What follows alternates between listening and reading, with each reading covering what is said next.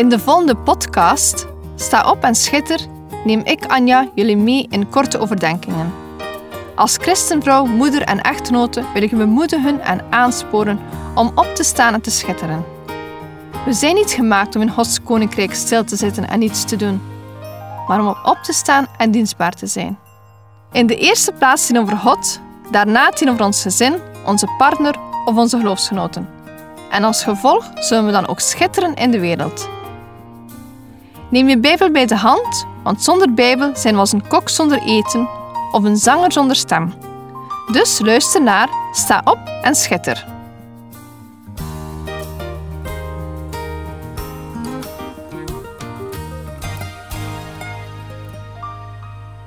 Vandaag in uitzending 99 wil ik het hebben over droogte. Dat kan vreemd overkomen omdat we de afgelopen tijd hier in België zoveel regen hebben gezien. Het is juist door het vele aanhoudende regen en het feit dat ze bij mij thuis een regenput aan het plaatsen zijn, dat ik met dit onderwerp bezig ben. Het plaatsen van deze regenput zal ervoor zorgen dat er water wordt opgeslagen. Dit zal handig zijn voor de was en de plas, maar ook in droge perioden zal dit van pas komen. Ieder jaar horen we van periodes van extreme droogte ergens in de wereld. Droogte heeft natuurlijk grote gevolgen. Vaak zijn het de landbouwers die dan hun beklag doen. Droogte zorgt voor minder oogst en minder oogst heeft dan ook een gevolg voor hun inkomen. We zien ondertussen wel dat mensen creatief beginnen zijn met het opvangen en hergebruiken van regenwater. Regenwater opvangen kan op verschillende manieren. De bekendste vorm zijn de regenton en put. In de winter te veel water en in de zomer te weinig water. Met dit in mijn achterhoofd begon ik na te denken over droogte in een christelijk leven. Laat ik eerst even uitleggen wat ik bedoel met droogte in een christelijk leven. Met droogte bedoel ik een periode waarin men Gods aanwezigheid niet meer zou voelen als vroeger. Een periode waarin het moeilijk is om de Bijbel te openen en waarin ze last hebben om te bidden. Vaak gebeurt dit omdat onze omstandigheden om ons heen enorm moeilijk zijn geworden. Of misschien zijn we gefrustreerd door een gebrek aan verhoorde gebeden. Het kan ook ontstaan dat we ons in ons geloof opgebrand voelen we krijgen een gevoel van hopeloosheid. En dan is het gevaar dat twijfel binnensluipt en de bovenhand krijgt in het leven. Dit is al een punt waarin ik zie dat sommigen hun geloof verliezen. Hoe langer je droge periodes duren, hoe verder je van God vervreemdt. We hebben het levende water van God nodig. In uitzending 90 sprak ik over de rivier en dat wij een bron in een tuin zijn een fontein van levend water. Wat een prachtig beeld dat we een fontein mogen zijn voor mensen om ons heen. Een krachtige bron voor de wereld. Droogte hoort hierin niet thuis. En toch hoor ik wel eens hoe christenen strijden met figuurlijke droogte. Je zou onszelf kunnen vergelijken met een waterleiding waar levend water doorloopt. Zo zou het moeten zijn. We zouden ons nooit in een periode van droogte moeten bevinden. Maar toch gebeurt het dat we erin verzeild geraken. Zelf ervaarde ik ook periodes van droogte in mijn leven. Het was alsof God ver van mij weg was. Ik las mijn Bijbel, maar alles leek zo ver weg en niet tastbaar. Nadien zag ik pas wat er aan de hand was. De ene keer was door zonde in mijn leven. Er was mijn waterleiding gekomen. Een andere keer was het door teleurstellingen. Ik had mij te veel gefocust op mijn gebeden die niet werden verhoord. Mijn waterleiding kreeg daardoor last van kalkaanslag en slipte stilaan dicht. Ik liet het zelf toe, door mij te vullen met negativiteit. Iedereen maakt tijden door die je droogte kan noemen. Het is absoluut noodzakelijk dat we in die periodes dicht bij God blijven. Als we zware droogte bekijken in de wereld, dan kan dit een bedreiging zijn voor het bestaan. Zonder water kan een mens niet overleven. Dit is ook zo in ons geestelijk leven. In de Bijbel lezen we ook over droogte. Maar het is niet altijd negatief. Denk maar eens aan de uittocht uit Egypte. De Israëlieten konden via een droge strook op weg gaan naar hun vrijheid. We lezen dit in Exodus 14, versen 21 en 22, waar er staat: Toen strekte Mozes zijn hand uit over de zee. En de Heere liet de zee die hele nacht wegvloeien door een krachtige oostenwind. Hij maakte de zee droog. En het water werd doormidden gespleten. Zo gingen de Israëlieten midden in de zee op het droge. Het water was voor hen aan hun rechter en linkerhand een muur.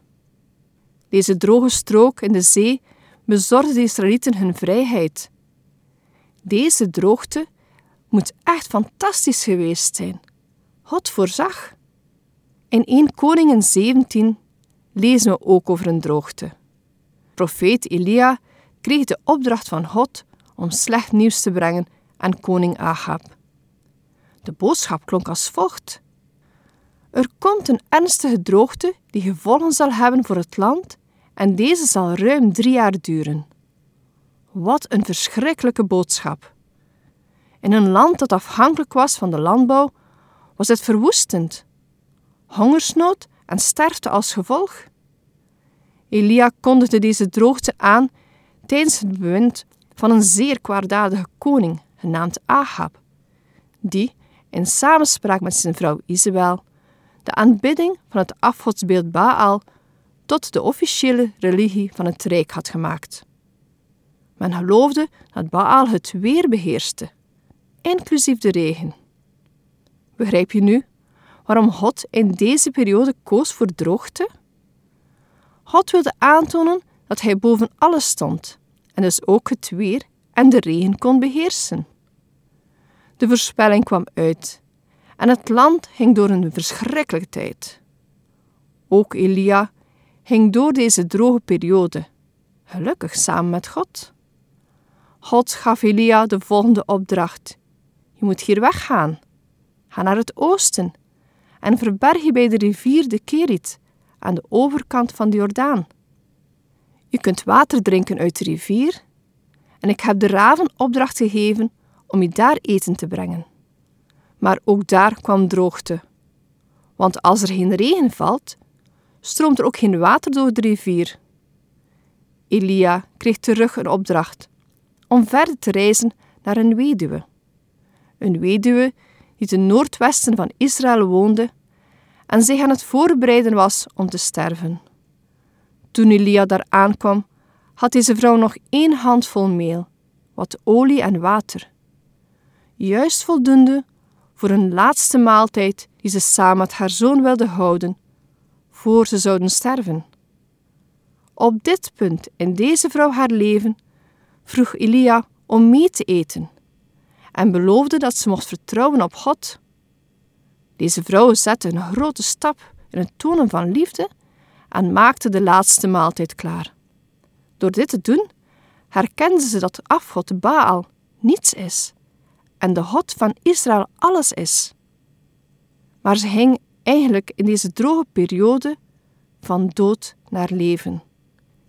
Elia en de vrouw woonden gedurende de hele crisis samen en ontvingen genoeg om te eten. God voorzag. Je merkt op dat in de Bijbel droge periodes kunnen zorgen voor nieuw leven. Het gebeurde met de Israëlieten door de Rode Zee en later met de tocht door de Jordaan, waarvan God de wateren evenzo deed opdrogen, zodat Israël het beloofde land kon binnentrekken. Beide droogten zijn Israël tot redding geweest. En dat was het ook voor de heidense vrouw die Elia eten gaf. Ik geloof dat droogte iets positiefs kan zijn, maar alleen als we God erin betrekken. Als ik kijk naar mijn regenput en het vooruitdenken aan de droge periodes, dan zie ik daar ook een mooie les in. Het is goed dat we vooruitziend zijn op droge periodes. Wanneer we dagelijks Gods woord lezen, zullen we er tijdens droogte op terug kunnen vallen. Ben je in een periode van droogte? Of ken je iemand? Laat dan de boodschap van Jezus tot jou of die persoon luid klinken. Jezus wil er zijn voor iedereen, zelfs in tijden dat met uitdagingen worden geconfronteerd. Vertrouw erop dat wanneer de droogte hevig is, God jou uitnodigt om op Hem te blijven vertrouwen. Hou je vast aan de hoop die God belooft. Ik hou van tuinieren en leerde wat men moet doen om stevige planten te krijgen. Dit doe je door regelmatig veel water te geven en tussenin periodes te nemen van droogte. Als je dagelijks een plant een beetje water geeft, zullen de wortels juist onder de grond groeien. Wanneer er periodes van droogte zijn, gaan ze dieper zoeken naar water en zullen het stevige planten worden. Zo is het ook tijdens onze droge periodes. God wil ons hierin laten groeien tot stevige bomen die tegen een stootje kunnen. Droogte zou er moeten voor zorgen dat we bewust dieper gaan graven in zijn woord. Onze wortels moeten eigenlijk groeien in het fundament van Jezus. We groeien door water, maar ook door droogte. Sta even stil bij jouw leven. Heb je het gevoel dat je een droogte in je leven doormaakt? Een droge periode waarin het lijkt alsof het leven zo alledaags is geworden? Alsof God zijn oren heeft gesloten voor jouw gebeden?